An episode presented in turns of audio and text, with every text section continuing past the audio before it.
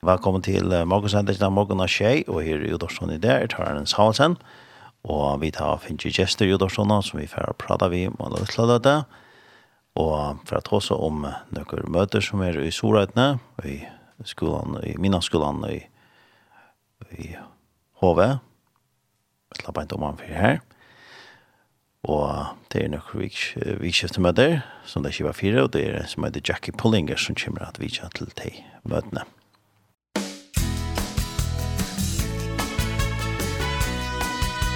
Du lortar etter Tjei, Kristelig Kringvarp. Og vi tar som sagt Finche Vidjan i Udorsona, og vi får trossa engst og først av nastlødna. Og vi tar Finche Billy Hansen å komme og tolka for dere. Velkommen, Billy. Ja, takk for det. Takk for at du kom til tolka dere kunde det. Ja ja. Från tullor och sand och sandöden i morgen. Ja ja. Det är deilt att att det är som ganska skyldes vel angst at uh, Taylor skulle få alt vi. Ja, nemlig. Uh, now we have our guests. Uh, uh, maybe you can uh, present yourself who you are. Hi, uh, my name is Sarah, Sarah Terrett Drake, and uh, I arrived yesterday with on the on the flight into Vega. Yeah. Um, and I come from London, though I grew up in the Orkney Islands, which is not so far from here. Uh, so I'm an island girl myself, and it's a real pleasure to be here today. Okay. Jeg heter, hva var det at nå? Susanne. Susanne. Sarah. Jeg heter Sarah, sier hun, og hun er, kommer i London, og kom til Følger og i Jar, eh, og vi flykkvarer. Og, og så er hun fra Ørskenøtjenån, så hun kjenner vel til... Eh, til Øtja samfunnet, så hun er selv oppvoksen igjen av en Øtja samfunnet, akkurat med førjen. Yeah. Yeah, my name is Thomas, Thomas Dean, and um, it's amazing to be here. Yeah, so um, very happy to be here. And I come from Edinburgh in Scotland, um, where alongside my wife and others, we lead a small church in um, in a community just in the outskirts of the outside of Edinburgh. Mm -hmm. Yeah, the Thomas Dean, or... Jeg er ur Edinburgh, og er ødelig glad for å være i fyrjan. Og jeg har, jeg og konan kommer, vi er og løyer av når samkommer, og i åttere parten av Edinburgh. And uh, this is the first time you're in the Faroes? Yes, it's the first time, so very exciting, and uh, yeah, uh, wonderful to be here. Yeah, yeah, for me also, yeah, yeah. It's amazing, beautiful city, and where we're staying, you can see the whole the whole town, the whole city in an incredible place. Yeah. Ja, det ser bare at jeg er really glad for å være i Førjan, og her som det bygg var, er det under Kongaværa, og det er Archon, her har det en fantastisk utsikt i vår byen. And uh, you had a good flight? It was excellent. And uh, yeah, we flew over the Western Isles, the Isle of Lewis, on the way up, which was great. Yeah, mm. that go on to to fire. Mm -hmm. And um, you're here uh, regarding this uh, meetings with Jackie Pullinger uh, was over this uh, weekend. And uh, we're going to talk about uh, what uh, these meetings are about and and um, and also maybe hear about yourselves, maybe your testimonies and how you are part of this. Vi får høre sindre om eh, møtene som er i vikskiften, vi Jack Pollinger og her til Parstatøy, og høre sindre om eh, hva skal det ha for Parstatøy og vittnesbordet tja Taimon. Um, I don't know who's going to start, but uh, how how are you part of this uh, these uh, with uh, Jackie Pullinger? Yeah. Part of this. So so yeah, so yeah, my some of my story is that um when I was 5 Um, I, I was born in a part of England called Cornwall, which is the most southern part of England. But, da jeg var fem, ta vokste jeg opp en av byen som heter Cornwall, som er den sunnere pastoren av Englandet. Yeah. And but when I was uh, 5 my father he was um both an agricultural lecturer but we also had a small short sheep farm in Cornwall. Da jeg var uh, ung da var uh, pappa min han uh, underviste i uh, i kvært consumer agriculture til er uh, ja, det kan vi. Ja, og og vi hadde også en liten farm her som vi hadde og gjorde sort. But then they um they wanted to have a bigger farm. That was my father's passion. And so they looked around and we ended up buying three islands in the Orkneys. Og men han ville uh, vikke om farmen ja sær og og det var drømmen til pappa min og det enda så vi at uh, han kjøpte tver, trutjar ødjar i ørsnøtjene I guess say the biggest one is about 700 acres. Den, best, den største av dem er uh, er 600 acres. Mm -hmm. Yeah. And we uh, farmed it. We had sheep and cattle. We still live there. My, my family still are there. Og vi hadde uh, seie halt, og fam familien kommer bor framvis her. Yeah.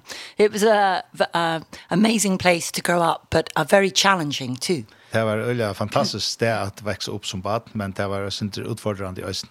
Yeah. And at one point my my parents both of them were believers um and uh we the Lord helped us. He rescued us often many dangerous situations especially on the sea. Og foreldrene som er vår bæl tryggvande, og vi har opplevd og øyelig ofte hvordan vi eh kus god han uh, bjarga i okkon ut ur vanta fotlon stövan sälja och ta vit uh, silt och sjön. Mm. It was only one mile between our island and the main island. Det är bara en mil mellan okkara och och och, och Hosetna. But it's a there's a very strong tide current between us. Det här eller starka strömmar i i tusentarna. Mm. And it could be a very dangerous piece of water. Det kan vara öliga vanta mycket farvatten as you will uh, the people of the Faroes will surely understand. Och jag är säker på att det för ju inte chili har så Yeah. We had just a 13 foot double skinned fiberglass dory. Vi hade en en 13 fot fiber jollo som vi förra oss då i. Yeah. So my father was very courageous and saved us from many difficult situations. So pappa min var ölja, han var ölja jarvor och han bjarkade och undan ekvon var torfurren. Yeah. But as I say there was a lot of hardship and my father one time I remember he particularly cried out to God a bit like David did in the Psalms. Ja, yeah, jag minns det att vi hade det öliga tungt ofta och det var tar först. Og jeg minnes det ene for at papen min, han røpte akkurat som David i Solomon, han røpte ut til god. Mm. His name is David too. Og han heter reisen David, papen. Mm. And shortly after that, we heard from a beautiful lady um, who used to visit the island with the clan guns. In Scotland, there are lots of clans. Okay. Uh, og så sattne stort at han heter, han er røpt til herren, så blev vi kontaktet av en kvinne som var i en uh, en on clan in Scotland. Mm. And uh, they believe that they were related to Sweyn Afflison, who is the last of the Vikings, and his castle uh, is uh, on our island, and our house is built on his drinking hall. Okay. och ta hon kontakta och så så helt hon att hon var arvenge till uh, en av de senaste vutsingene som hade livet här i Aitne och uh, till ett slott som var och till ötnen som vi boa. Yeah, so they so they would visit every couple of years and my parents would open up our home and give them lots of food and it was a lovely time. So they vi jo ofta her og etni aftan ta og vi opna og heime fyrir heimen og gå ut om on mæta et etna at det var her. Her daughter was Jackie Pullinger. Og og og dot dotteren jo heson som som kontakt kontakta og kom til akkurat at daughter Tara where Jackie Pullinger. Mm. And uh, so uh, um, Jackie's mom contacted my parents and said, would we have Jackie to stay for a few days? Because she'd been invited to speak on another island, but she had nowhere to stay. The, yeah, your hospitality here is fantastic.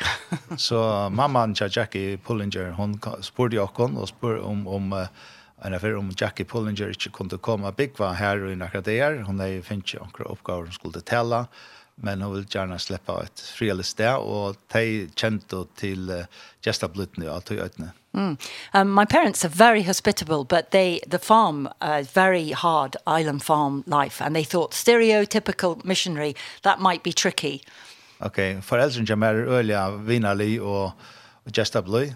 Eh men uh, men uh, det är att uh, arbeta i en sån och vara a farma. Uh, ska se man det det ska göra det ska göra ja. eh så är det ett harst löv og de hadde kanskje en hoksan om at uh, få omkran som ikke kjente til det løyvet, det kunne være sin trubbelt.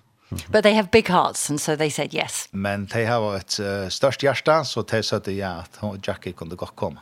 Yeah, and Jackie came. And of course, if you I hope you'll come. We're going to talk a little bit about the meetings we're going to have over the weekend. Um but you will see for yourself that Jackie is the most normal, fun loving um uh person around. She she loves music she loves sport uh, she's a lot of fun and very hard working and so it was a real joy to have her. And of course she also introduced the whole family to the holy spirit. Og Jackie hon er, kom så vi jokkon og og det var eller glad for det. Og hon som tid eisne for å oppleve her i fergen så er Jackie en ganske almindelig dama og som ikke gjør sånn jeg på seg selv, men uh, damer vel sport, og er stortlig å være sammen vi, så, uh, så, så det opplevde vi da hun kom til okken, og selv det så opplevde, så introducera jeg hun øyne i okken til uh, hele andan. Mm. So that yeah the family were filled with the Holy Spirit we had received the gift of tongues. So hon ber för okkon och vi blev döpt i hela andan och fink och tungotal. Yeah. So a very special time. Så det var en helt særlig tog at jeg Jackie kom av vidtja. Yeah. So I was probably around uh, 15 then. Og jeg har vært omlai 15 år. Yeah. When I was 17, I finished uh, all my education. We had been partly homeschooled because of the island, so we finished a year early. Så da jeg var 16 år, da var jeg livet i mine skolegang. Vi hadde, hadde haft undervisning hjemme av foreldrene Jokon så vi uh, blev oss inte färre leo vanligt. Mm. And um, I had studied languages at school and so I was going to France to so, improve my French and German and yeah. Og jeg har lært en flere lära mal i skolen, så jeg får til Frankrike å lære meg å sindre fransk. Mm. ja. I had a job lined up, I had accommodation, everything was planned and I was ready to go. Allt var planlagt, jeg hadde et arbeid, eller jeg hadde et arbeid som jeg skulle få, og her som jeg skulle bygge i Frankrike, og alt var planlagt. Yeah, but suddenly at the last minute it all fell apart. Men uh, knapplega i sørste løte så datt alt til hjørnet. Yeah. And so I thought what shall I do in my gap year before university? Så jeg husker hva skal jeg nå gjøre og i disse togene i årene ferdig av universitet? And then I remember Jackie and that she worked in Hong Kong. Och så kom vi tankar om Jackie som arbetade i Hong Kong. Yeah. And interestingly, I I was a believer, but I was looking to go deeper with God. If I was going to give him my 100%, I needed I knew I needed to know him in a deeper, more personal, intimate way. Ja. Jag var en tryggvande, men jag hade en långsen efter att komma djupare in i mitt samfälle vi Herren. Mm Og jeg visste at, uh, at det var det som Herren for å kalle meg til. Uh, og jeg ville gjøre det som var nøyet for å komme her til. And so I went from an island which only had six inhabitants, my mum and dad, my three brothers and myself, to Hong Kong uh -huh. and so millions jeg, of residents. Så jeg får av en øyne i Ørsnøyden som var, hadde bare seks eh uh, uibigvar, mamma min og pappa min og jeg og mine, mine tre syskjen. Uh, og herfra og inn til Hong Kong av Vicha, Jackie mm. Hollinger. Uh -huh. And uh, there, obviously, I worked with Jackie, and I went into the, the walled city, which still existed. Og jeg før så arbeidde vi Jackie, og før inn i hentan bojaparten som heter den lovløse by i, i uh, Hong Kong. Mm. The walled city um, was about 15 acres, the area. Jeg snir bojaparten var omløy 15 uh, acres, but it had maybe 50,000 people living there. Men her var og sjalt om det løyte økje, så levde og bo mer om halvt trus tusen mennesker her. There were huge open sewers, there was um, electricity cables hanging down, there were rats the size of cats, there were prostitutes on the corners. It was run by triad gangs, the heroin uh, leaders, because the police would not go there, because this, this area, the walled city, it neither belonged to China or Hong Kong. Mm. Og her var kloakkene var åpne, her var antikyla og løtninger, hink og alle stedene. Og dette var en øyla lovleser bojer. Eh, han var stortur av en, en, en gangstara bøltje. Um, og bojarparten var først en parter av Kina, et eller en parster av Hongkong. Så dette var en, en, en bojer her som, her som de gjør sine egne lover. Ja, yeah. and, and so um, I worked with Jackie uh, during that time and we would meet the, the the men the women who had come to know Jesus um many of whom who come off um heroin addiction uh, by being baptized in the Holy Spirit receiving the gift of tongues. Uh, we would meet just in homes very simple homes and we would worship together. Uh, we would um learn to move in the gifts of the Holy Spirit that the Bible talks about and uh become more like Jesus. Yeah. Ehm um, och jag arbetade sammen med Jackie och vi uh, arbetade nek näck sammen med Timon som var på punkten av heroin och för att av vittna för Timon och typ blev döpt hela andan och fick tungt tal och och ja. Mm.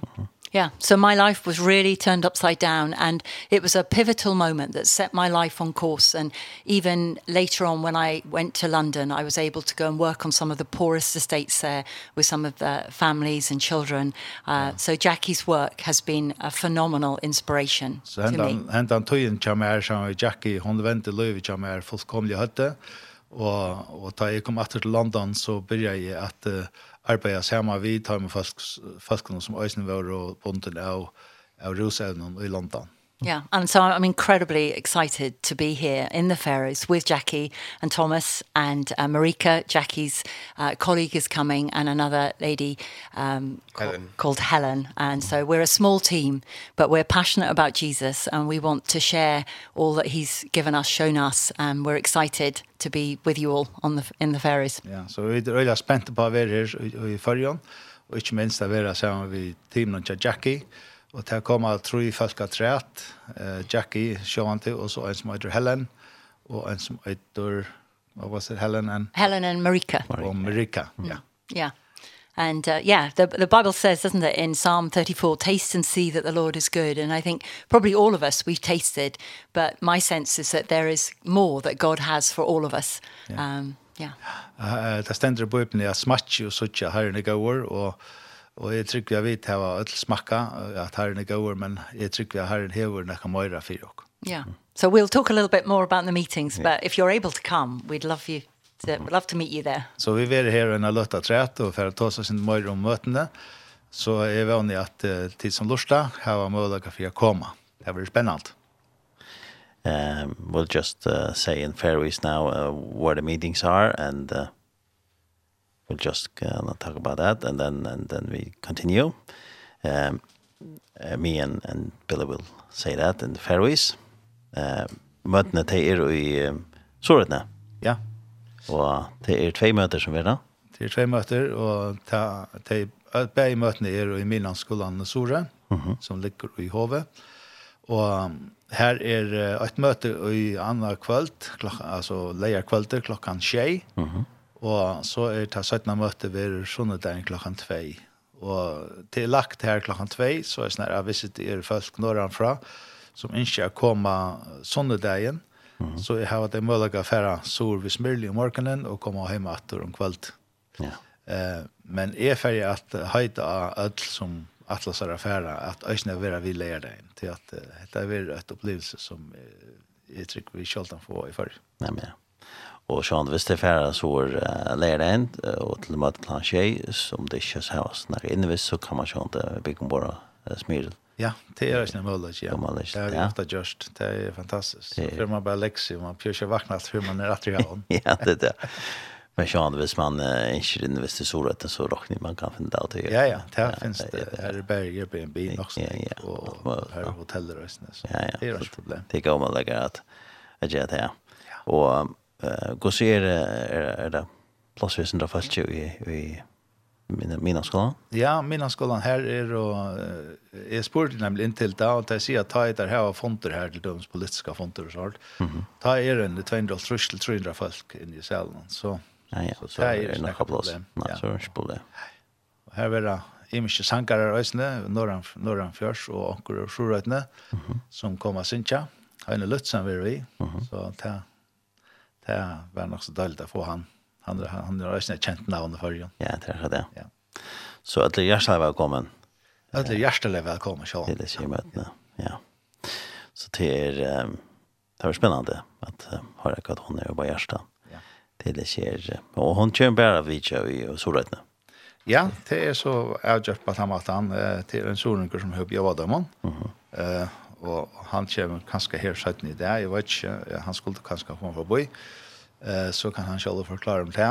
Eh, og, og jeg halte det veldig godt at, at her anker du kan være sorengar som får avgående av utlendinger kommer til farger. Det, det er nesten alltid hinveien at sorengarne skulle komme til, til havnar, mm og er det et, til havnar til Norrum. Så her er det vi som må være sorengar, og jeg pleier å si det sånn at det er nøkkelen av samme avstander fra Sore til Havnar som det er fra Havn til Sore. det er elsta. Ofte halda folk at det er sånn langere. Det er sånn langere, ja. Men det er akkurat det samme. Ja, ja, så, så ødelig gjør seg velkommen til her, og eh, og, det, og tid har vi så nok vært et eller annet, det er nok vært flere som har vært til Vitla Kipa 4 i snitt. Ja, det er øyne som har vært Vitla Kipa 4, Alex, Wilhelm og Isore, og og Bjørg Arena, og så Jona og jeg. Vi tar kanskje lukka som steg som det fire, at, at kjipa fire døy. Men altså, her er øyne nekva krefter i Sorøytene som har steg sammen om etter. Jeg, jeg minnes ikke at lønn. Nei, nei, men så, nekva folk. Det er nekva som har vært vi, ja. ja. Det er vi øyne takk som fyr. Ja. Ja, så uh, lærkvald er altså anna kvald, lærkvald er klokka 19, og sondag klokka 14. Og sånn, nå er vikskifte, og det er Øystein Kvitsona, så det er et lengt vikskifte. Ja. Så det er kanskje godt høy vi snitt at det er høy affæra, for at det var så rett nå, til disse møtene, ja. Ja, akkurat. Affæra vi ikke, til disse møtene, og høyre enn arbeidsfor, og det som hun har arbeidt vi, vi, vi nekvar. Ja. Ehm mitt ferra tosa sin de meira vi gestna jakon og eh if we uh, just uh, we will hear more about Jackie Pullinger. Who is she and uh, and uh, why shall people in the Faroes hear her message?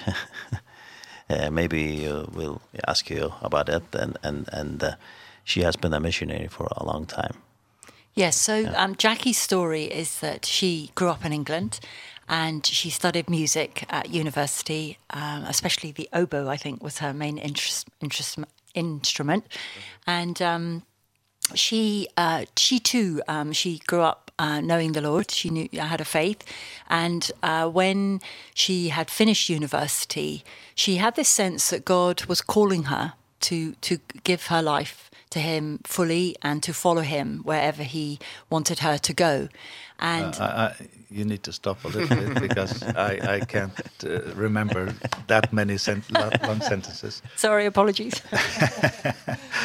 så han säger att Jackie, uh, hon är en kvinna som uh, bor i London och, och studerar i musik. Det är det bästa uh, opera alltid som hon snackar om. Mm -hmm. Och uh, jag vet inte om jag fick allt vi som säger, men uh, vi fortsätter bara. You? And um, so I think, I, if I recall correctly, um, she had a sort of dream, a vision, an encounter, and she felt God was asking her to get on a boat, not mm. really knowing where she was going. Så, så vitt du minnes, så hei hon en vision, et eller annet et kall fra herren om at uh, fære ut i misjon, og herren kallet henne til å fære ombord av en, et skip, utan ordentlig å vite hver hun skulle fære land etter. If she found the cheapest uh, ticket. Yeah. Yeah. yeah. Yeah. And it, it reminds me of uh, Abraham because that's exactly what he did and he set out it, the Bible says not knowing where he was going. Ja, yeah. ta minne om Abraham som Gud säger vi han skulle färra og utan å vita kvar han kvar han skulle färra ta han börjar. She sought uh, counsel and advice from people around her. Hon uh, spurte folk rundt om seg hva han skulle göra. And they encouraged her to go.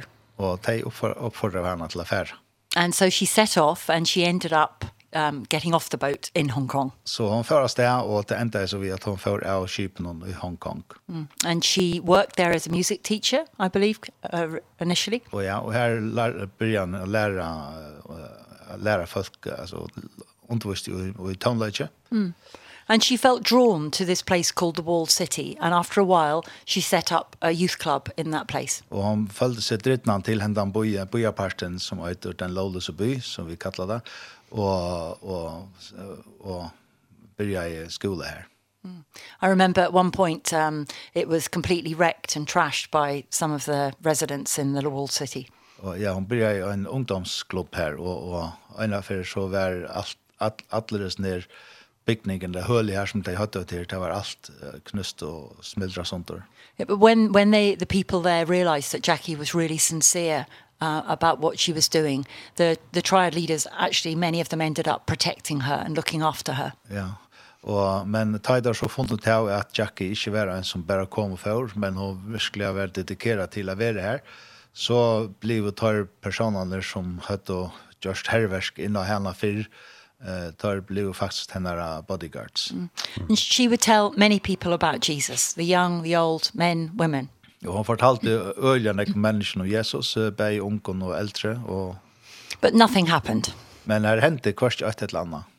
And then she met a couple who told her she needed to receive and be baptized in the Holy Spirit. Og så møtte hun en pære som sier vi, søtte vi henne at hun har bruk for at uh, att att uppleva antan och vara döpt i hela antan. And so in her book which uh, I highly recommend Chasing the Dragon she describes how they prayed for her they laid hands on her as it talks about in the New Testament and she received the gift of tongues. Ja. Yeah. Och och i boken Chase Chasing Dragon. Chasing the Dragon. Chasing the Dragon. Which is another, that is an expression for shooting up uh, heroin, okay. taking heroin, yeah. Chasing the Dragon. Uh, hun er omsett til dangst, og tampøkken øyder den lovløse by.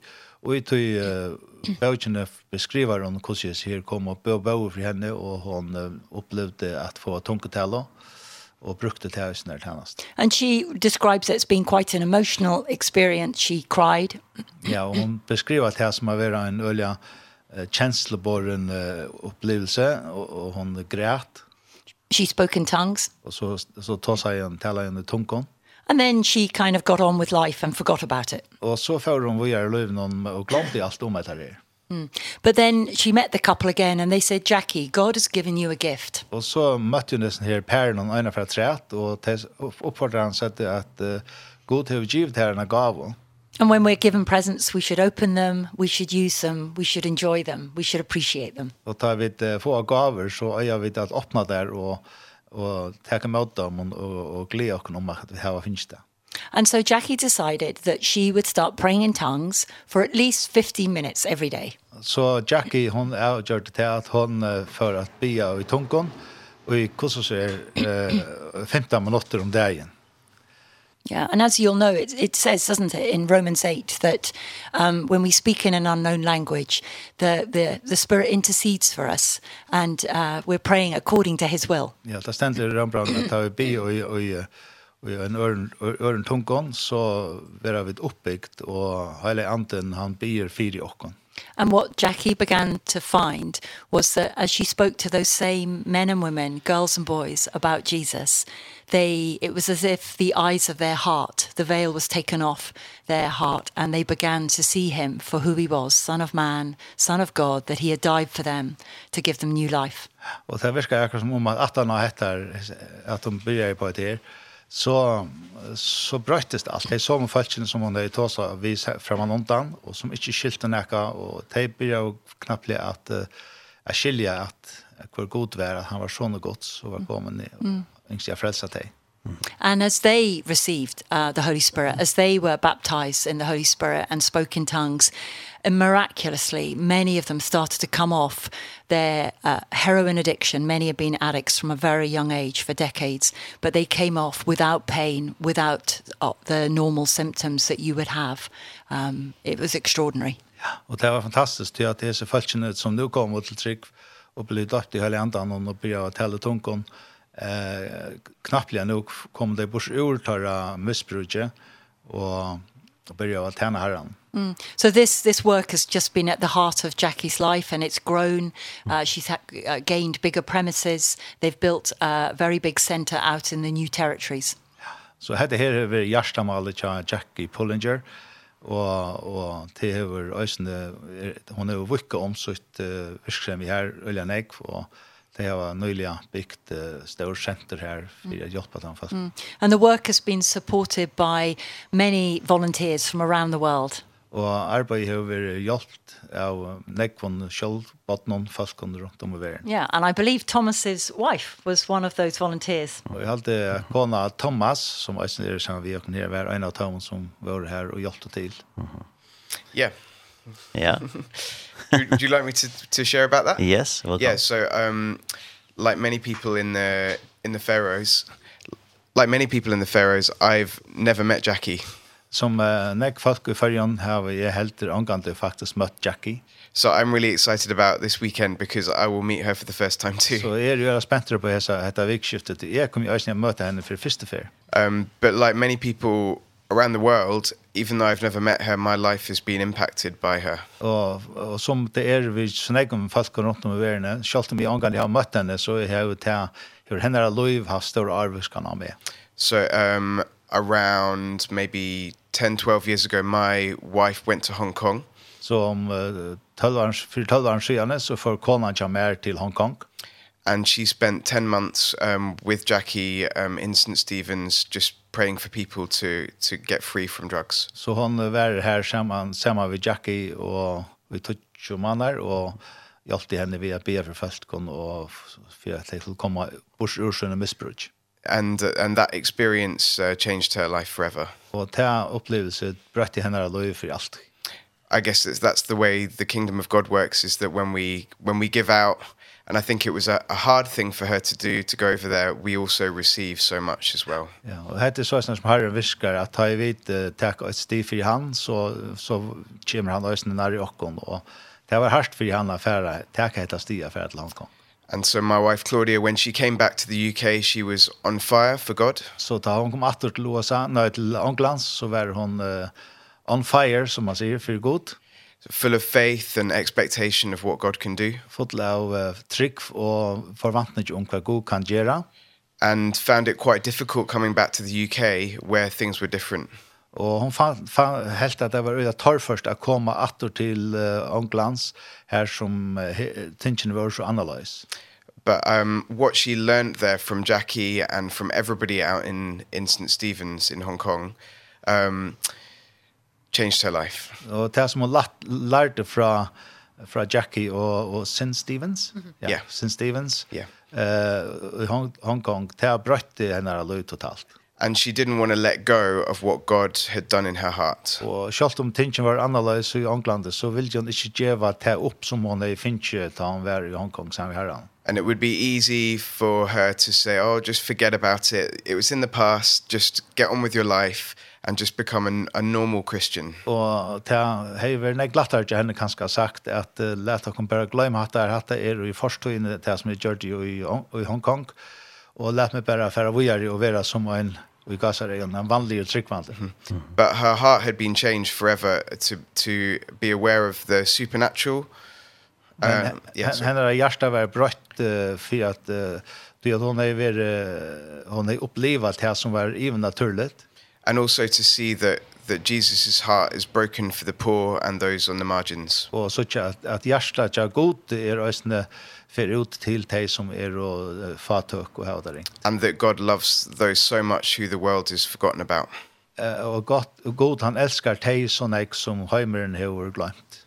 And so um we lead a church together in Edinburgh. Så där har vi ett annat samkomu i Edinburgh samman and that um, those lessons that Claudia, my wife, learnt all those years ago are still at the very heart of what we try and do in Edinburgh. Og det som uh, konan som er lært i Hong Kong uh, for sånne kun arrangørene er framvis en chatni og i tog som vi gjør i akkurat. And so um, my wife said a few years ago, she was like, come on, you know, um, we'll do this stuff together. And I kind of said, no, that's, that's your stuff. You know, I'll do my stuff. That's your stuff. Og for noen år siden så sier konan til meg, vi med lette å kunne gjøre dette sammen. Og jeg sier vi henne, nei, jeg hadde her vi det er naturlig, jeg hadde er tøyne oppgave, og la meg gjøre det som jeg går til. And she said, no, come on, God can use you to reach some of these men's lives, um, the guys in prison, the guys addicted to drugs in Edinburgh and I said no no it's not for me. Og hon säger nej come on to, to god kan bruka ösen tetla noa de som er i fängsle og de som er avhengig av stoffen og i London eller ja i i Edinburgh. Edinburgh. Yeah. Um and like many men I can be very stubborn. Og nekver menn kunne være ja, trøstjer. um, but God did a, a work in my heart and, and also in my life. And now every week I go into the the prison in Edinburgh and we work with lots and lots of men and women who are coming um to be set free from drugs. Yeah. Eh tas man säger att som som är med så kom det över öliga tröskor men god börjar arbeta i hjärtan jag mer och i det så arbetar arbetar i ösnen mellan folk inne i fångslon och så tjej har uppleva hur så folk kommer på hur missbruk. So it's amazing coming to the Faroes and seeing how God's been working all these different places in our different stories and he's bringing us together for a weekend and we can encourage one another and maybe share our faith with people who've never heard about Jesus before. Ja, yeah. så so det fantastiska med att komma till färjar och söka hur Herren virkar i färjan och så näkon imskon platsen i färjan. Eh jagens imska samkommer og bara att vara samvittikon och låta löva samvittikon till hesa vikendna, det är fantastiskt. Ja. Great. Thank you very much. Um, I think uh, we'll play um, a song now and then we continue. And uh, Thomas, uh, you are a recording artist also. and we're going to hear a little bit about that also. And uh, yeah, han, play a, a song from you. Okay. Han nevner til at, at Thomas er en som også har gjort musikk. Så at uh, nå får jeg til å høre en, en, et lær fra honom. Yeah, and uh, this song, uh, it's called Father's House. Can you tell us a little bit about it? Yeah, sure. I just thought it would be nice. Maybe you could hear something different today on yeah. your show. Um, so the, the song's called Father's House. Uh, ja, Det er en sanger som Thomas har skrivet, og han kallas for Father's House. And it's about a longing to be in God's presence. Og han er om uh, langslen etter å være i nærvære Guds. Ja and it's slightly connected to the story of um of Jesus when he went missing when he was a boy. Ja, hon reisnes hon her hevur samband við søvna om ta Jesus eh uh, blei bortur frá sina foreldrar. And and he said you sh you should have known where I was going to be. Og han sier vet tey at tid åtta av vita kvar eg kvar eg skal vera. Didn't you know I'd be in my father's house? Just the dish out at the eye of it with who's And I think it's a longing from my heart even even though I'm distracted by the world so often that I want to be found in God's presence. Ja, og hetta minner meg at sjálvt om eg kan vera eh sjálvt om det som er i heimen kan hava kan taka mig uppmärksamhet så det som er verkligen inte till er att vara i nerver og fashions. And and in the father's house we are, we're known he he knows us he loves us he knows each one of our names. Og i huset fashions her er vi kjent, god han känner oss som en fader känner sin son. Yes, we'll play it. Lord, when I remember my orphaned heart, I felt no worth. Struggling for direction, you sought me out and brought me home. I'm standing in your prayer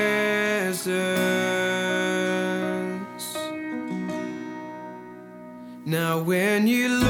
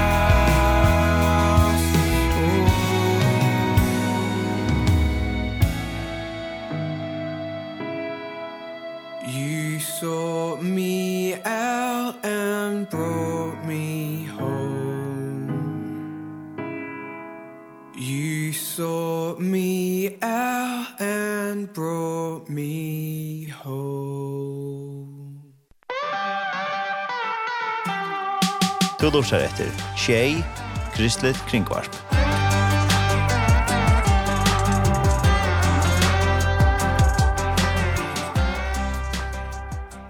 Vi tar da en uh, sang her, vi uh, en som heter Thomas Dean, som er vidtje her i Udorsone, og sangeren kalles Fathers House. Og vi tar vidtjen av Sarah og Thomas, og så Billy Røstene, Billy Hansen Røstene kommer ned og tolka for jokken i det. Ja. Yeah. Og det tar eisen det finnes ikke Finn Bjørn. Vi her han, han, øyder, han sier han, han kallast for bror. Så jeg er han kjent til Sorøtne. Men, men uh, han hever ikke hoa komma til mikrofonene. Men uh, tid som var hoa høyre han, uh, og i tid må komma til Sorøtne. Han tar for han fortelja sin om sitt opplevelse uh, i samband med bøkene til Jackie Pullinger. Ja. Jeg sier ikke morgen til. Finn Bjørn, du får slå ut til å fortelle sjølver om morgen. Ja, det var spennende. Og der kan man eh, komme til møtene som er i Minamskolen i, i Sorøyne. Og han er i Hove, og der er altså i morgen leier den eh, klokkan nøytjan, og søndag klokkan fyrstan. Så altså vi eh, leier den 20. mai klokkan nøytjan, og søndag 28. mai klokkan fyrstan. Og jeg leier seg komme til det skjer møtene um, Sarah, you talked a little bit about the, um, how you grew up and you how you met Jackie. Um, but did you you grew up in a Christian home?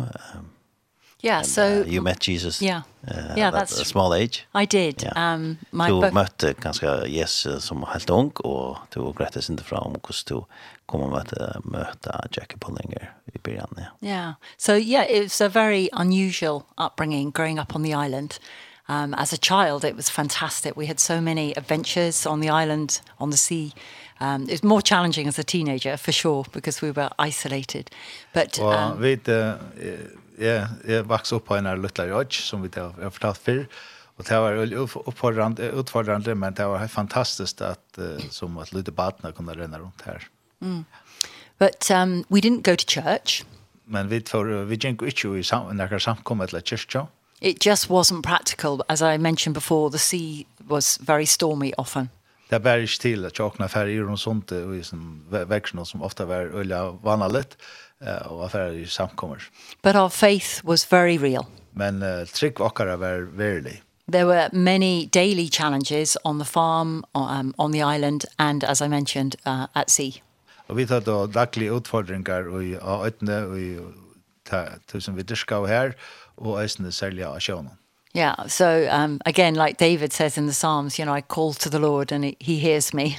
Og som uh, David sier i Salmon, jeg kattler jeg herren, og han hørte meg, han sverre i meg. Yeah, and so we would see many times where he intervened and helped us and rescued us. Så vi vi upplevde och feratna fer hver Herren eh kom inn og og bjarga i okkon. So all that was great, but as I said before, um, there was a deep longing in my heart for more. And I, I recognize now that that was wanting to have a relationship with the person of the Holy Spirit. Så so, allt det var gott att det var samfället vid Herran, men är långt alla som efter att få ett djupare eh, förhåll vid Herran och jag någon höjliga andan. Yeah, and that's what um, took me to Hong Kong. Och det var det som gjorde att jag kom till Hong Kong. Uh, Thomas, uh, can you tell us a bit, uh, a little bit about uh, how your testimony, how you met Jesus? yeah. Um, kan du gräsa inte från Thomas, hur du met Jesus? Yeah, so my my story in terms of meeting Jesus for the first time is very simple. So min så afir because you met Jesus uh, all fär, eller felt. Um my my mum took us to church. I have two brothers and she took us to church every week. Ja, mamma min er tvær barn og mamma min tog och kunde en samkomma til kyrkan kvann där. Kvar vecka. My father didn't come at that time. He was full of doubts about faith. Oh, men om tatoina var pappa min eller iva samar om trunna så han kom ikki så. Um but like Sarah I was a very young age, 8 years old. Men som Sarah, I har fortalt så var det öliga onkor om like åtta år. And I remember very clearly, even now as a 36-year-old. Uh, enta nu som en, en 60 år gammal mauer som minnes det etter ekvilja tydeliga. Somebody at church saying, um, if you know that you can't do this on your own, if you know you need God's forgiveness and help in your life, then you can give your life to Jesus. Onkel samkomna sier at hvis tid hvis du varst at du ikke klarer dette själv uh, og at du har bruk for å gjøre till löd til Herren så kan du gjøre det and I know that's very young, 8 years old, but um it was a for me it was a very genuine um conversion. Og jeg vil åtta år til en øye unger alter, men for meg er det ikke nivig om at det var en omvending som helt i løvene kommer til.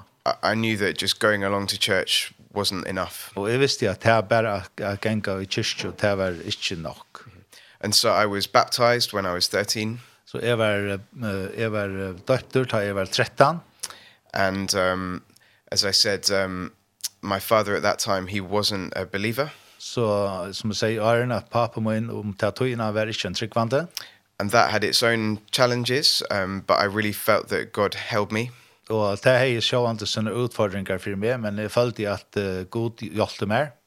And um, maybe just a few years ago, I, he was visiting um, the church that I lead. Og for noen faen år siden så kom pappen min at vi ikke samkommende her som er leiere. And he was um, decided to take communion and um, only a few years ago 20 years later he's he's been able to find faith again in Jesus Christ. Och han kom här och och började att uh, vara samma vi och kon och lot och i och i uh, brevbröderna alltid där och och så så lärde han herren att känna and uh, both me and my brothers all work in in ministry in different forms. So or bay er or or Bajamoin brothers you said you have yeah, one. Yeah, two brothers. Oh, you have two brothers. Yeah, yeah. Yeah, or Bajan og Jamar við arbeiða og i uh, tjänaston för Herren imsa ständer runt. And so I think even as a family we feel like God has called us um into a place of serving him. Så jag följer at vi som en familj att God God har kallat oss in att tjäna sig. And so as an adult, um, my journey with Jesus has been learning to step out as a leader in, in courage and in faith.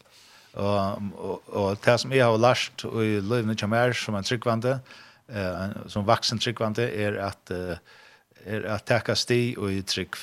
And what I absolutely love about being a Christian is that you're never finished learning and growing with Jesus. Det som är alltid så fantastiskt vi är en tryggvande till er att du lär du blir omgående livet att lära eh i samfällan av Jesus. Yeah, so I I love reading scripture, I love reading the gospels, I love just growing deeper in friendship with Jesus every single day. Så jag älskar att läsa Bibeln, jag älskar att läsa psalmerna og at veksa og i min forhold til vi, en gypre forhold til vi Jesus, kan jeg nesten det. It's a little bit about me. Yeah. That will listen to me. And uh, you said you uh, be, are uh, being a part of a church and leading a church. Yeah.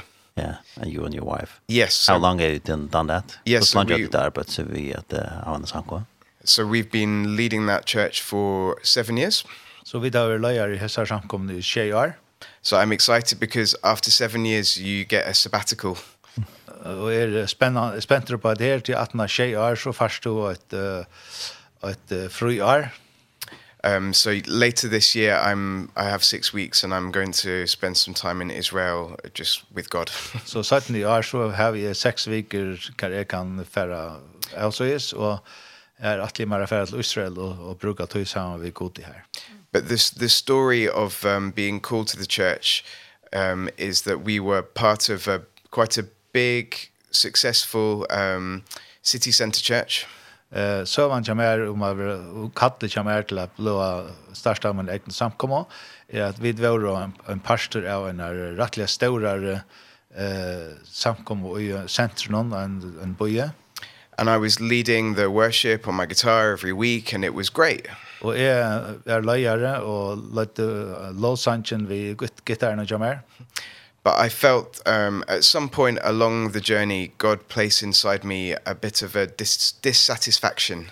Men jeg følte at, at som jeg før hesa løyene sammen med Gode, så så var en, en langsel etla akkurat årek og mer som gjør det at jeg vil ha mer um like there has to be more to um what God has called me to do than than just doing the same meetings with the same people for the rest of my life. Ja. Og hugsa at jeg må være nekka mer og og at fylgja herran enn at vera og i det som samkomne gjør det samme vik og atna vik. And um in Scotland I don't know too much about the Faroes but in Scotland um very few people are born again Christians. Jeg vet ikke hvordan det er her i Fargen, men uh, i Skottland er det øyla fa som er og uh, som er, er tryggvante, altså, ja. And, um, and I, I felt God saying it's time to to to do something different and to really go to the lost and the broken um and the marginalized of this city. Og jeg blev kattlaur til at uh, Herren at fer ut og göra nakka mer mittel til de i bøyene som, uh, som høyde da ringt eller som var uh, utanfor vanlige. And so we, we left and we took maybe a small team of about eight people with us. Så vi tføra og byrja av nødgjona nære sene og tok og fink og høyde en åtta folk vi okkon. And uh, we all moved into one specific neighborhood. Og vi flott og ødel inn i et helt særligt omkvarve. Uh, it's a a council estate where many people um have different challenges. Och det är ett ett område här som uh, folk har nekvar utfordringar löv. Um even poverty is a big problem in in the city. Och fattigdom är är ett öliga störst stor trubbelage ut i parten av byn. And so we've committed our lives to living alongside people and sharing the gospel with them. Så vi vi går och löv till att at feras saman uh, vi som folkkanon och och dela löv saman vid time. And it's one of the the biggest privileges of my life is to see God transforming other people's lives. Och det som är fantastiskt i min liv och det som är ett en större framgångsratter för mig att leva ett antal liv är att söka god bröta andra människor. I know it's not me there's no way that I could do uh, this, this stuff by myself. Och jag vet att det är inte är till att det är kom till just detta i mig själv. And so time and time again we see people who've tried they say they've tried everything um maybe to get free of drugs or to turn their lives around and it hasn't worked. Ja, och för att man för möter vi människor som säger att de har prövat allt Anna för att få brøtt sitt liv eller komma ut ur fatarkardom eller missbruket og det är inte alt. Maybe it works for a time but then they relapse or they reoffend or the same cycle um yeah. Ja, kanske prova det okkur som som riggar i en tøy men så fällar det åter og i den sama andra cirkeln. And so um and then they meet Jesus. Og så möter de Jesus. Yeah and it's it's not always easy but we've seen people's lives completely transformed they look like different people now. Og det er ikke alltid latt men vi tar se mennesker som er totalt brøtt och som enta utkjønt så ikke annerledes ut det. And i think a big a big part of our ministry or the the picture that God has given for us as a church is the the feast um you know the parable of the great feast og og ta som vit ta mynden som god til givi okkon og okkara samkomo er ta god han han gav tømun gav fjölden at eta. So where um we eat together three or four times uh, a week and we prepare food all the time. So I'm part-time pastor part-time you know dishwasher. Så vi det är en examen alltså vi tar en folkan som vi vi där samma är i mitten. Eh flyr från under fyra för en vikna. Eh så är pastvis pastor och pastvis uppvaskare. And um you know the kingdom of God um there's this invitation for all of us to come and and and meet Jesus and to come and and partake in the feast. Så Røyke Gods er om hettar at vi er bjöa i til å komme inn til, til måltöjna eller til festerna og taka lot i måltöjna. And a lot of people, even Christians, say, I'm too busy, I've got too much going on, my life is too full, I can't, I can't come. Ja, og, en, og til en ek som sier, jeg kan ikke komme, enda tryggvande folk som sier at jeg, er, jeg har for nekva gjerra, jeg er alt for opptidgen, og jeg har ikke tog and so instead of chasing those people um you know around we, we just said okay we'll invite other people to the feast. so staying for at at at at renna att han har en folkon som inte tömma att til till måltiderna så färra vi ut av götnar som där ständer på og och bjöd tömla komma in. And it's just uh, it's amazing it's it's freeing and um we've just seen people who thought church wasn't for them they're now becoming to be leaders in the church. Og det er öliga befriande för jag at att gå fer ut og uppleva at at folk som har varit helt i att en samkomma eller en kyrka är inte näka för mig att hej är brött och kommer inn i ett samfälle vi har. So please pray for us that we will see more lives transformed in Jesus name. Så vi för jag at att vi må söka fler människor bli ombrott. Mm. Fantastiskt. Du är här how God, what God is doing also in your country. Thank you. Right. Eh deilt å høre hvordan det går til virker oss nede i her som han bor og i landet nå og i det er på en tilstand i. Um, Sarah, uh, you talked about uh, when you came to uh, to Hong Kong uh, many years ago uh, and uh, you have been a part of this ministry with Jack Pillinger. Um, she isn't alone in this ministry. She has a lot of people standing around in this ministry. Yes, isn't that no, so? yeah. Yeah, yeah, that's true. Uh, to gratis inte fra om om kost to komme i det arbeid for noen år siden, og Jackie den kjensomhetlig i snarbeinen. Um, is this is this a ministry or is she where, where do people come from when they help in this ministry? Yeah, literally I think from all around the world. Um, it's called the St. Stephen's Society. And as I said earlier, they now have a very big base in the area just um, uh, called the New Territories. Uh, og uh, der kommer folk alle fra i verden, Hetta her men ministry kallast fyrir Sin Sinstin or St Stephen's Society. sin Stephen's Society. I, I think it's uh, the name is um because of uh, Stephen he was the first martyr wasn't he in the New Testament. Ah. He stood up and he he told the story of the gospel and how Jesus came and how he died and how he died to give his life to save us. So um, now the sin Stephen kommer fra at Stephen var en av de første martyrene som röstes at, upp att, att vittna om Herren och som blev steinauer. Ja. Yeah. Those following Jesus is about sacrifice. så att följa Jesus är hur näka vi till att att att att ge näka. Ja. Och offra näka. Yeah. But many people uh, come from, as I say, around the world to just volunteer and to give uh, their time, maybe in their gap year before they go to university, to support Jackie. Because it needs, you need, it's all about team. It's not just a, about one person, it's about team. Ja, så det kommer en folk som sier om alla stannar fra i verden, eller ofta folk som har et uh, år i mittlen, kvar det i liv og och att är det för universitet det kommer så här att hjälpa Jackie och det är mm. en fantastisk hjälp. Mm. And center central to it all is is the work and the power of the Holy Spirit. Och det som är centrum av alltens där det är det är visst hela andans. Yeah, as we remember, you know, Jesus said to his disciples, it's better for you that I go away. Well, Jesus säger vi lär från oss är till till kan tillgagna det för bort. And that because I will send the Holy Spirit to be with you and to be in you. Tror att ta er färn bort så skal det sända till den helige som skal vara inne og innan och i tecken. Yeah, and as it says in Acts 2, um, they, they waited in the upper room, and then the power of the Holy Spirit fell. Uh, they were baptized in the Holy Spirit. Fire, uh, flames of fire came on them. They uh, spoke in different languages. Ja, yeah, så det ständer i Apostlesøn kapitel 2, Så boja og tar etter at Heilig Anden skulle komme, og Arendra for ut av virka, og, og Heilig Anden kom og leie seg av teg i tungen av elte, og teg byrja av tale i nødgjent tungen. Yeah, because Jesus said you will receive power when you are baptized in the Holy Spirit. Så Jesus säger att de skulle få kraft ta i Heilige Anden kommer ut. And that has been my experience. Och det har varit mitt upplevelse.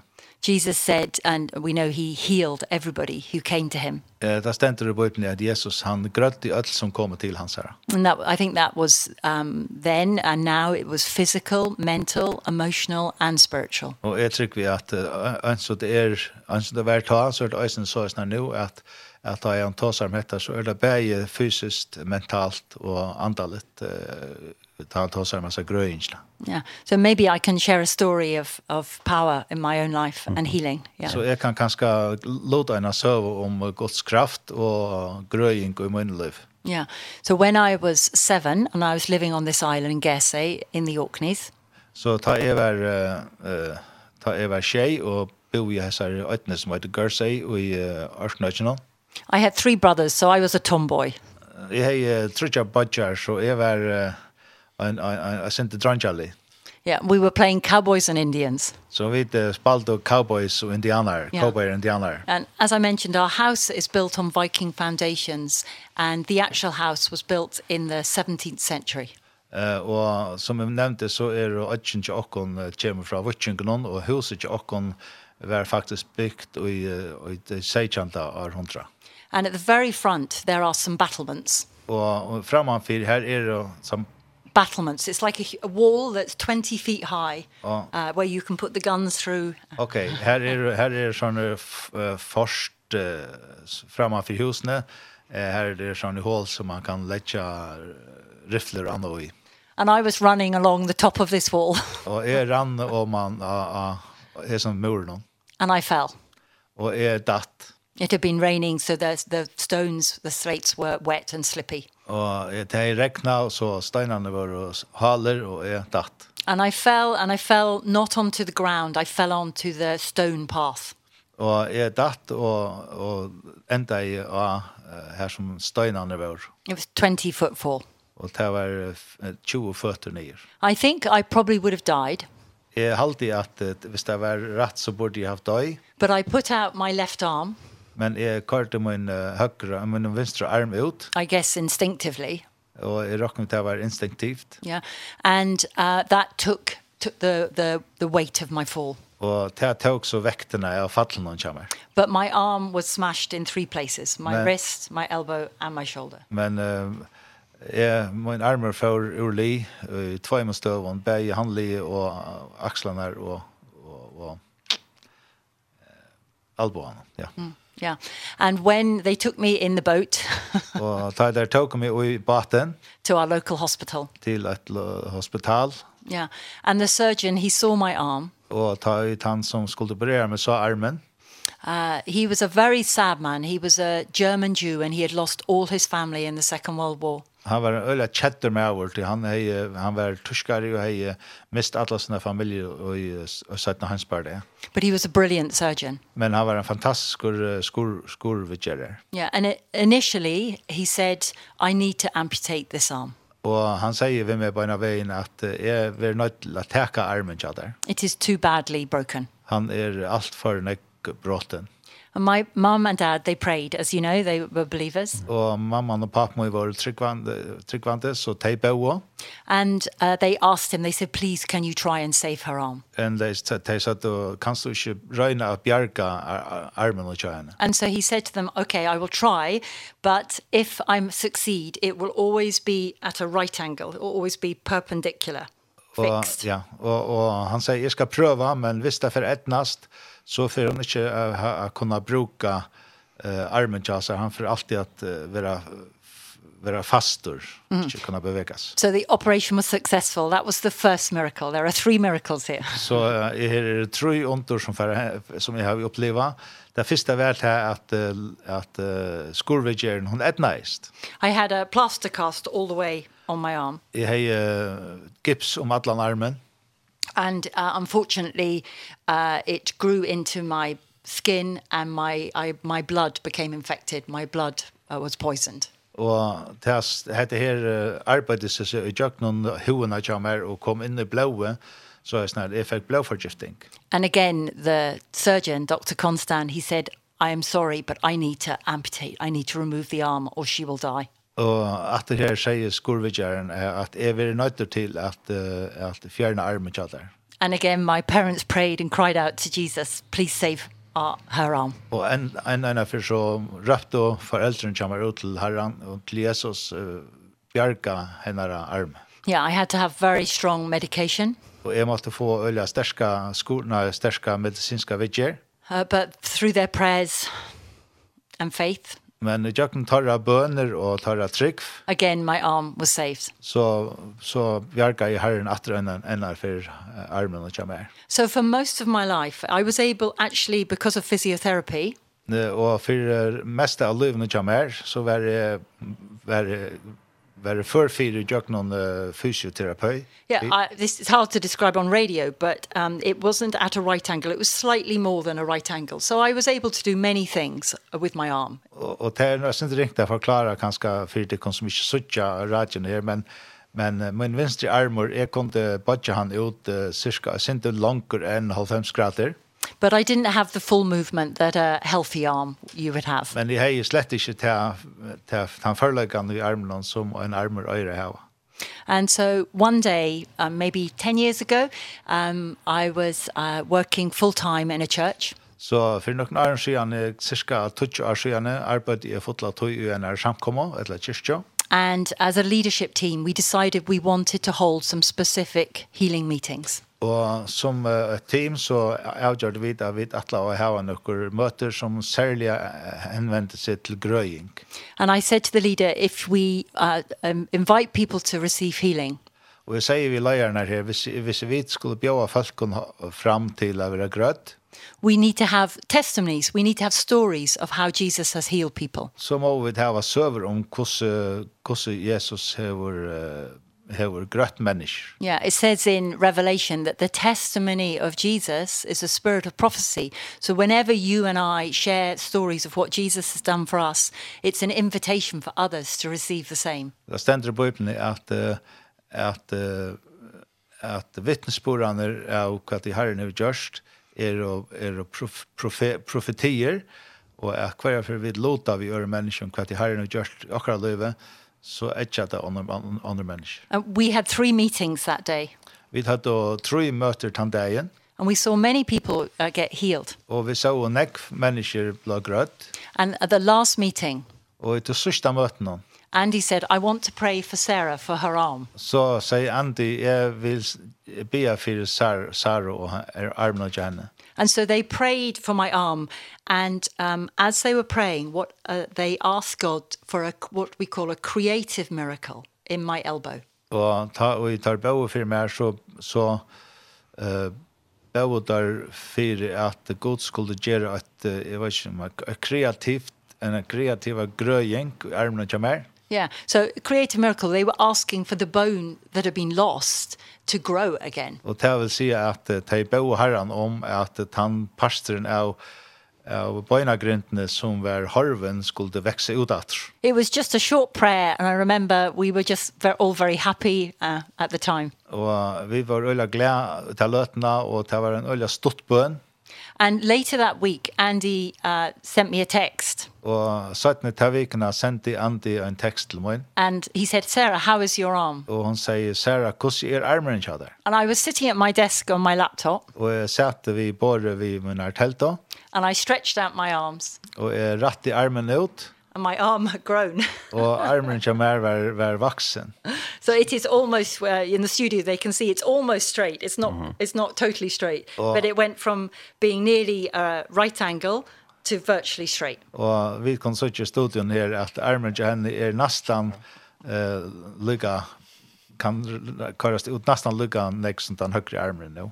Jesus loves to heal us. Och Jesus han älskar att gro och. Yeah, and I've experienced it first hand and I'm I'm just so thankful. Och jag har upplevt det här tror jag för när som jag ser sövn här och är så tacksam. I hope we'll have opportunity at these meetings to pray for anyone who is sick, whether that is physical, mental, emotional or spiritual. Jesus cares about us in our entirety, our whole beings. Og jeg vanlig har vi formålet målagan fyrir her som møtt noen bia fyrir menneskene til grøying, bei, bei likamlige grøying, men, mentala grøying, uh, salarlige grøying og andalige grøying. Yeah, and it's, this is what I spend my life doing now. Og hette tog at jeg hette hette orsøkjen til at jeg elsker bruker mitt liv for jeg gjør dette. I both uh, lead a group called The Filling Station. Jeg er leier en, en bølse som heter The Filling Station, at la, det er, det er en, ta en tankstasjon. Um, yeah. Where we invite the Holy Spirit to come. Hver vi bjør Høyre Anton å komme. And I also have my own business. Og jeg har jo også min egen forretning. Where I work with people who are in prison hver er arbeid vi falkon som er i fangsle. Or maybe they're multimillionaires. Og kanskje er det multimillionærer. Or anyone in between. Eller ankran som et eller her i midtelen. Because we all need uh, Jesus in our lives. Så vi tar et bruk for Jesus i liv och And we all need his restoration in different ways. Og vi har et bruk för att vara ändå och tjej uppbyggt av honom and when you've tasted and known something so good yourself. Og tar du hur smakka näka så gott sjálvur. I think your your only response is to want to give it away to others. Så er trött att ena så er at att ha en långsiktig jobb där vi är ett land. Yeah. So I I really encourage you if you're able to come come to these meetings and come expecting to meet with Jesus and his power and his love that he has for you. Så är visst vill verkligen utfordra dig kom visst det inte komma till mötena at de kommer och de kommer vi en stor forvantning om at Gud skal möta tycker. Yeah, I think it's going to be really good. Jeg har alltid det jeg har alltid for å være fantastisk godt. Yeah. I think you will play another song.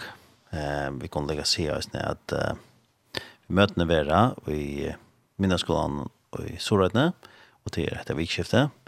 Så det är morgon läraren tjej Jonna Mike klockan 19 och sundagen 28 maj klockan 14 og det er Jackie Pullinger som kommer at Lodeka til disse møtene, og så ja, har vi imiske sanger i resten av skrona, så ja. alle er hjertelig velkommen til det.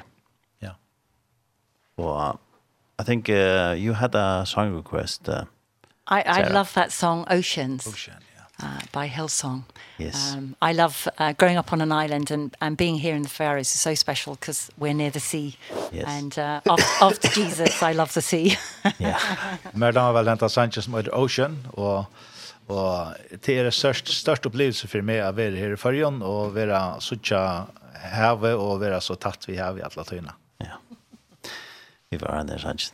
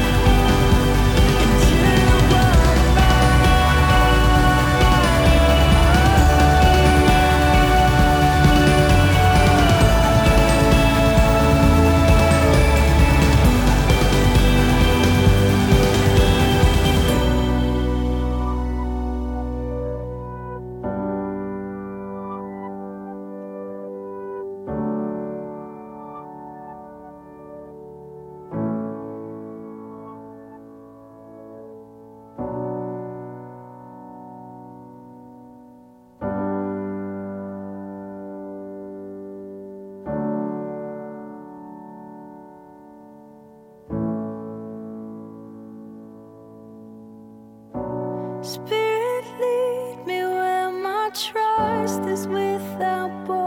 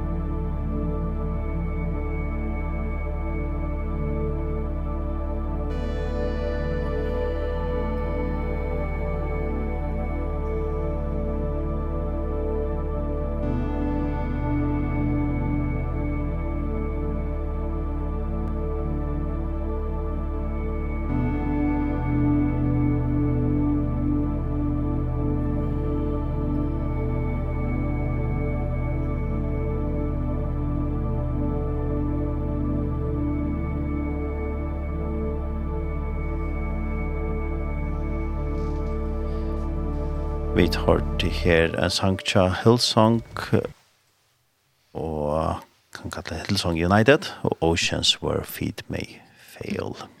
Har vi der og vi tar uh, Sarah og Thomas som vi kjer judarsone og til er samband vi nøkker møter som vi er i Sorreitne av mina skolan i Sorreitne vi Jackie Pullinger og hun er virka som trobar i Hongkong og i Neguar og for her i 1906 trusk Så det er nekvar som tror på her 6,5 år, mer enn 6,5 år. Og vi har så lyst om, om det arbeid som han steg i, og så har vi hørt vitsbord til Beiser og Thomas, og så ble det Hansen i resten tolka vi åkne i det. Um, yeah, I don't know what you're gonna share. We have a, a couple of minutes left of the right. show, so mm -hmm um, maybe you have some story or testimony mm -hmm. you want to share mm -hmm. the listeners. Yeah. Det kan ska vara kram. Vittnesbörd att att att grejer från till några lusar. Yeah, no, I'd love to do that. Um so uh uh person that Jackie uh, and a movement that she was in, has been involved with is called the Vineyard Movement, which was led by a man called John Wimber. Ja, eh tan tan eh eh Den Røsland som Jackie har vært involveret i er, er, er, kommer fra uh, Vineyard og, og det er John Wimber. Ja, John ja. Wimber som har vært uh, i alt. John was a fantastic teacher. John var en fantastisk lærere. And he too was passionate about uh, seeing uh, uh, the power of Jesus, the power of the Holy Spirit released. Og han var øyne veldig passioneret over friheter, altså ikke uh, krafthøylig andan, så og i virke. One of his favorite sayings Og et av det som han ofta sier was everybody gets to play. Er at uh, alt slipper å spille vi. And I think this is something I saw modeled in Jackie's church at St. Stephen's. Og hadde her det som jeg har sett som har virket i samkommet til Jackie. Yeah. The Bible talks about um the gifts of the Holy Spirit. Eh Bibeln talar om uh, gåvor Helige Andans. And that when we come together everybody has something to give and share. Och att uh, tar vi det komma samman så har en och kvar sitt att låta. That will benefit everybody else. Som uh, är till uppbygging för ett land. One of the gifts of the Holy Spirit is a word of knowledge. Og ett av de gåvorna som Gud ger oss är kunskapar år when the spirit by revelation her i god og jökna sin anda og åpenberar shows you a need uh, amongst the people who are there uh, hva for tørver er det mittelen til falskene som du er sammen. And I think when this is released, it gives us faith that, oh yes, Jesus really sees me and he cares and he wants to heal me.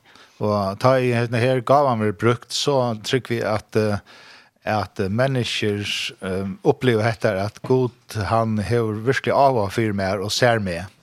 Uh, one day I was in a meeting. En av hver er gjennom en møte. And the leader said, please just call out um, words of knowledge that God is giving you. Og bare råpa ut uh, kunnskaper som Gud gjør tikkum. It was a meeting, quite a big meeting, several hundred people. Uh, her var flere hundra folk ut av til møtene and I received this word about painful eyelashes. Og jeg fikk et år fra herren, og her, herren sier vi med eh, uh, uh, poino og i egna låkene. And I was like, Lord, no. Säg herren, nei, det kan du ikke mena. Maybe a migraine. Uh, kanske migrän eller akkur såret. Yeah, or something simple. Eller akkursåret som er sin anfallt som flöjder kanske hava. Yeah, I didn't even know that you could have painful eyelashes. Og jeg visste ikke en gang at det bare til å hava uh, poin egna lakna.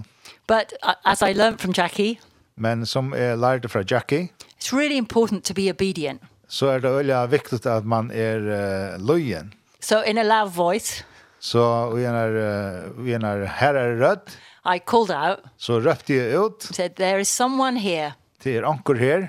Who is suffering with a very painful eyelashes. Som uh, har öliga starka og i egna lockna.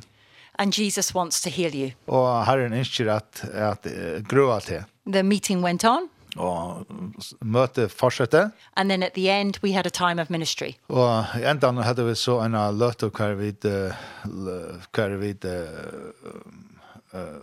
ja, vi, vi grøying til fem folk, ja. Yeah.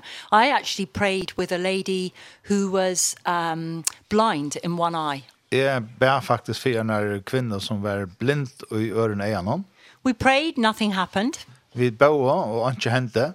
And then the Spirit said to me, Og så sier Heilige Anden vi med, ask her about her relationship with her mother. Jeg spyr henne om hennes forhold, eller, ja, forhold til mamma og sønne. Yeah, and there's been a lot of pain there. Og at det har vært øyne nek, nek sår her. So we talked and we prayed and she forgave her mom. Så vi uh, pratet sammen, vi bød sammen, og hun fyrgav mamma og sønne. And then we prayed again for the eye. Og så bøv vi atter for øynene. And by the end of the evening, og ta kvölde var av. She said she had 95% of her sight back in that eye. Så sier hun at hun har 95% sjøn, finnes ikke sjøn atter i ögonen så. So I, I was very happy. That was wonderful. Så jeg var öliga glad. Det var helt var fantastisk. Yeah. And then John the leader of the church. Og så ledaren av samkomne som John he said, Sarah, can I talk to you? Han säger, Sarah, kan jag släppa att uh, ta sig vid det? And he said, that night, a young man came into the meeting. Och han säger, den här kvällen kom en ung människa in i samkomna. And he had known Jesus as a young man, a young boy. Och han har känt herran som en ung människa och en ung dronker. But he had turned away at some point. Men uh, på ett eller annat tidspunkt så har han vänt sig bort från herran. he also happened to have... Och han, uh, det visste sig att han a very rare condition. Hej, en särliga serlia sjuk och ovanliga sjuk which was painful eyelashes. Som var att han var på i sin egna lockon. Severe pain. Ordla var på inno. Yeah. Mm -hmm. So at the end of the meeting he went forward and asked for prayer. Så fram att han mötte så var han fram och bad om förbön. And John prayed for him. Och John bad för honom. Yeah, and his condition of his eyes was completely healed. Og det som han falt i øynene var fullkomlig grøtt. And he rededicated his life to Jesus. Og så gav han sitt liv atter til Jesus. So that, that is a, just a, a testimony of the power of a word of knowledge. When we listen to God and we, that he says, doesn't he, that we are his sheep and that his sheep hear his voice.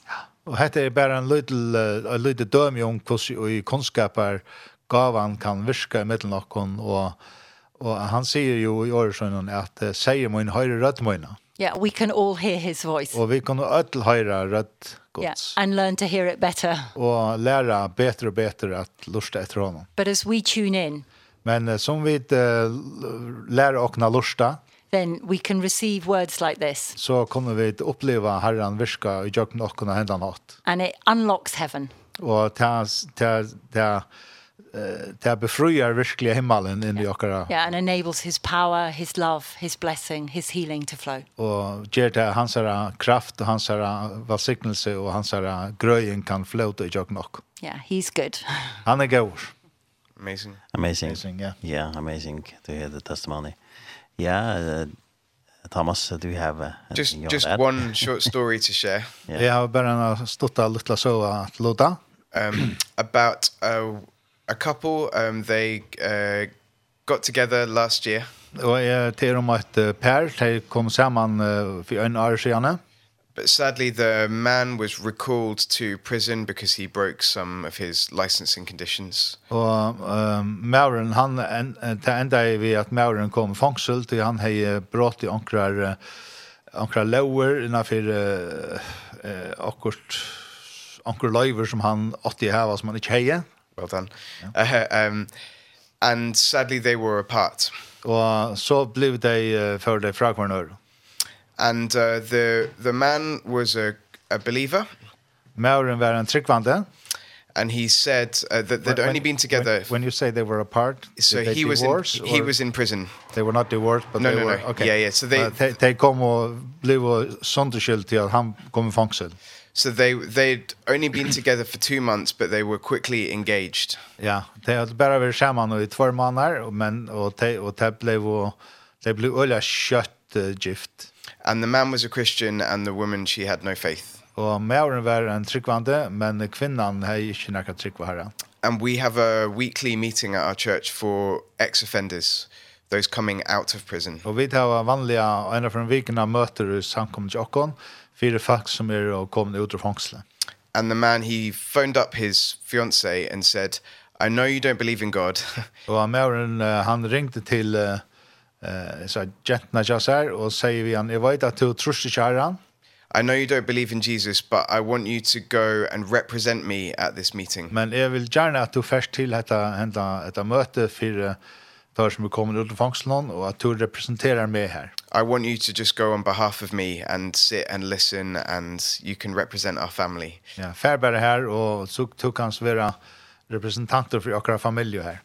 And she came along the first week and I saw her and she thought we were all completely mad. Och hon kom her den första veckan och jag sa henne och hon helt att vi var pura ur i hötten she was just staring at people thinking what on earth are you all doing singing to God and you know um praying for one another and all of this. Hon startade bara av och och huxa huxa i kvätt alla vad just vi gör det där och sinja till god och be för går nu.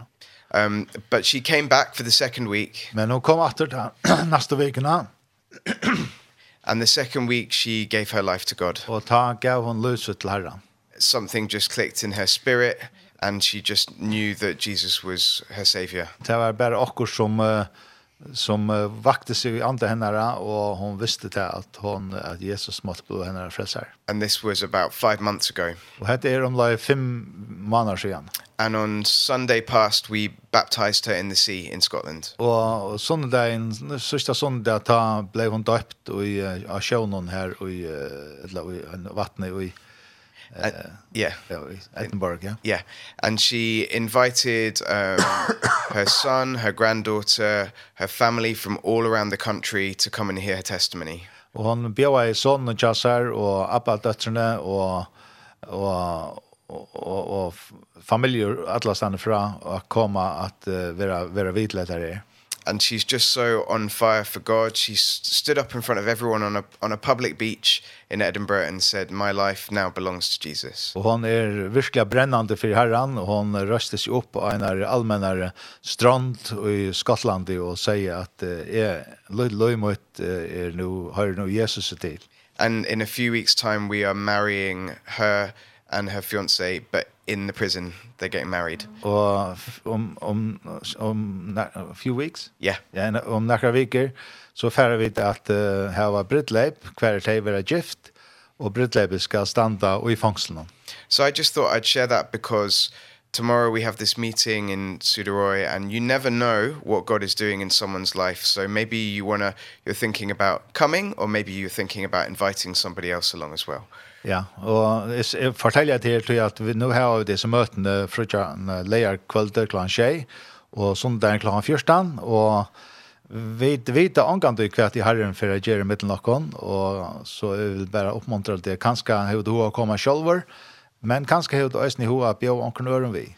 So you might be thinking, no, no, no, they won't want to come, they're not interested. We, we're very good at saying no in ourselves, but God is often wanting to say yes. Ja, ofta så huxar vi, uh, kanske att du huxar att uh, nej, det är inte att jag bjöd här som här som person, någonting han har inte intresserad av det. Men ofta så har vi hoa sier nej, nej, nej, i nye øken sjølven, ta i god, sier ja. That's all. Det er Amazing. Thank you very much for the testimony. What God is doing is really great. Um, yeah, somebody wrote here a message to us uh, saying that they were going, yeah, it's really great to hear about the work of Pullinger and the team, and they want to come to this meeting in Surrey. So, Amen. Yeah. Så so, spännande, spännande att höra om arbetet till Pullinger och Tøyme och vi tvärar till Surrätna. Så ja, ödlig som sagt, hjertelig velkommen til det tjejmötena. Ja. Og um, eh vill jag ha så fly imisk som för sin tjänstna. Så ja. Tungen greisen fra hvor. Ja, nå minnes det ikke navnet av Taimann og Sore som skulle synge, men minnes du det, Krisman? Det er det er onker Sorengar som skulle være vi i Øsne. Eh, jeg har bare haft oppgaven av Lukas med å finne onkeren norran norran fjørs, jeg kommer vi. Og her, her kom jeg selv, og Sintia og Birger Andreasen, Birgir Andreasen og jeg har sunnet nok så nekk sammen. Mm -hmm. uh, vi byrja og faktisk at sunnkje saman tar vi gjørt okra turer til Rumænien. Og så igjen har vi vært uh, flere ferier i samkommende i ferien og sunnkje. Og til er latter townlager som vi kjenner og sanger som vi kjenner vel. Mm -hmm. Så at uh, så folk kommer så, så er det ikke sanger som er avkjenter til, til no, vanlige, eldre sanger som, som er latter og ganger vel. Mm Og så kommer Heine Lutzen nøysene at vi er sammen vi og Og jeg var for første fer, eller for første fer var vi sammen med Heine Lutzen, altså Birger og jeg og Heine Lutzen var en møte i Kotlafire. Og her ble så tann uh, tri gjennom middelen Birger og og med og Heina jeg prøver for første fyr. Så det er sånn spennende jeg vet av hvordan det er fra Rikka. Ja, ja. Men uh, det är så kostar en nudge trio som kanske ser dagsens ljus så rätt när ja ja vi kan inte ta. Ja. Spännande. Jo, her blir annars en kvinna som hadde gjort videre, forresten at Lodeka vi Sanche og Eifen Debes. Ja, nemlig. Det er for Lodeka vi Sanche.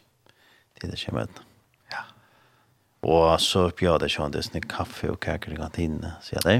Ja. Så tar vi en drekkemåned reisende i 18. møte og folk er sjön det välkomna nästan stola eh sen till testan vi när gav visst jag möjligt över tog. Ja. Det det kostar sjön den pengar att få få så när folk kan där vänt vid är ju kan fem folk som kommer åtta, åtta lands fra. Mm.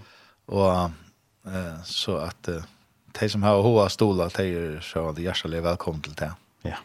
velkommen. Ja, eh Gonna thank you very much for coming to our studio here. Great having you here. It's thank been a pleasure. You. Thank you for having us. Yeah, uh, great hearing your testimonies and uh, the things that God's doing in your life and uh, and the ministry you're part of.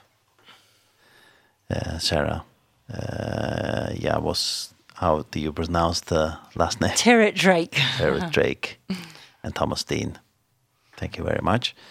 Varsna Billy Hansen for at du ville komme og tolka for jag kunde det. Takk for det. Uh, maybe we can uh, hear uh, another song with you, Thomas, again. Sure. From uh, from your. Uh, Feel free. yeah. Uh, one's called Ephesians 3. Yeah. Yeah. It's a bit more upbeat. Yeah. Celebration song. Yeah, yeah. What's it about? Well, it's it's about the love of God. It's about the love of God that nothing's higher, that nothing's deeper, that nothing's wider than the love of God that covers all of our sins that is just so strong and and beautiful and and merciful so it's just a it's it's taken straight from um straight from that passage in scripture yes yeah. Uh, Thomas, can you promise me that you will uh, sing for us in Udaray? Um I can promise you that. Yeah, yeah, yeah. yeah. God, God willing. Yeah, yeah. I'm looking forward to that. yeah, yeah. yeah. Thank you. Yeah. So uh, we're going to hear you singing in the surah. That's really great. yeah. Yeah. And um I'm just gonna read something here in Fairways. Eh, her var ein lustar som spurte om vi da brøtt frekvens i Sorøtne, og det sier at det kjørt hørst tjei i bilen og det er ein frekvens som er brøtt, brøtter i Kvalpa, og til det at vi høres nå at 3,5 kommer i Kvalpa. Så vi tar tid, så ringer jeg ja, kunne si over fra at det tror at han skulle skje at det høyre stod i kvalpa. Ja, vi får at takka for okken her i studiet skje i dag, og takka for gestene til okken som har vidt okken, og bjøtlen til disse møtene som er i Sorøytene, og de er i mina skolan i Sorøytene, som er i HV, og det er så lærer deg en tjejjon av meg, altså i morgen lærer deg en tjejjon av meg klokka 9, og søndagen 28. mai klokka 14 og Jackie kommer at uh, ta seg og maybe we're gonna hear you talk also. I have testimonies maybe. Yeah I'd love to meet, maybe. yeah. on these meetings maybe yeah yeah yeah, much, yeah. kanskje det var snett har akkurat fra timen tidlig i møten så alle hjertelig velkommen og nekker sanker i snett skråne så vi får enda visst en sannsyn til Thomas Dien og til om Ephesians 3, og etter sangren. Henda sender vi endersønd i kvöld klokkan tjei, og i natt klokkan tryrir til troi, og så æsne leir det inn, og så er det æsne leik det heima sinna tjokkan tjei.fo, og så kan man æsne lort at det er podcast eh, paddelen som er. Så takk for meg, ta Arne Samson, Vær Jodarsson i det. Vi tar rest.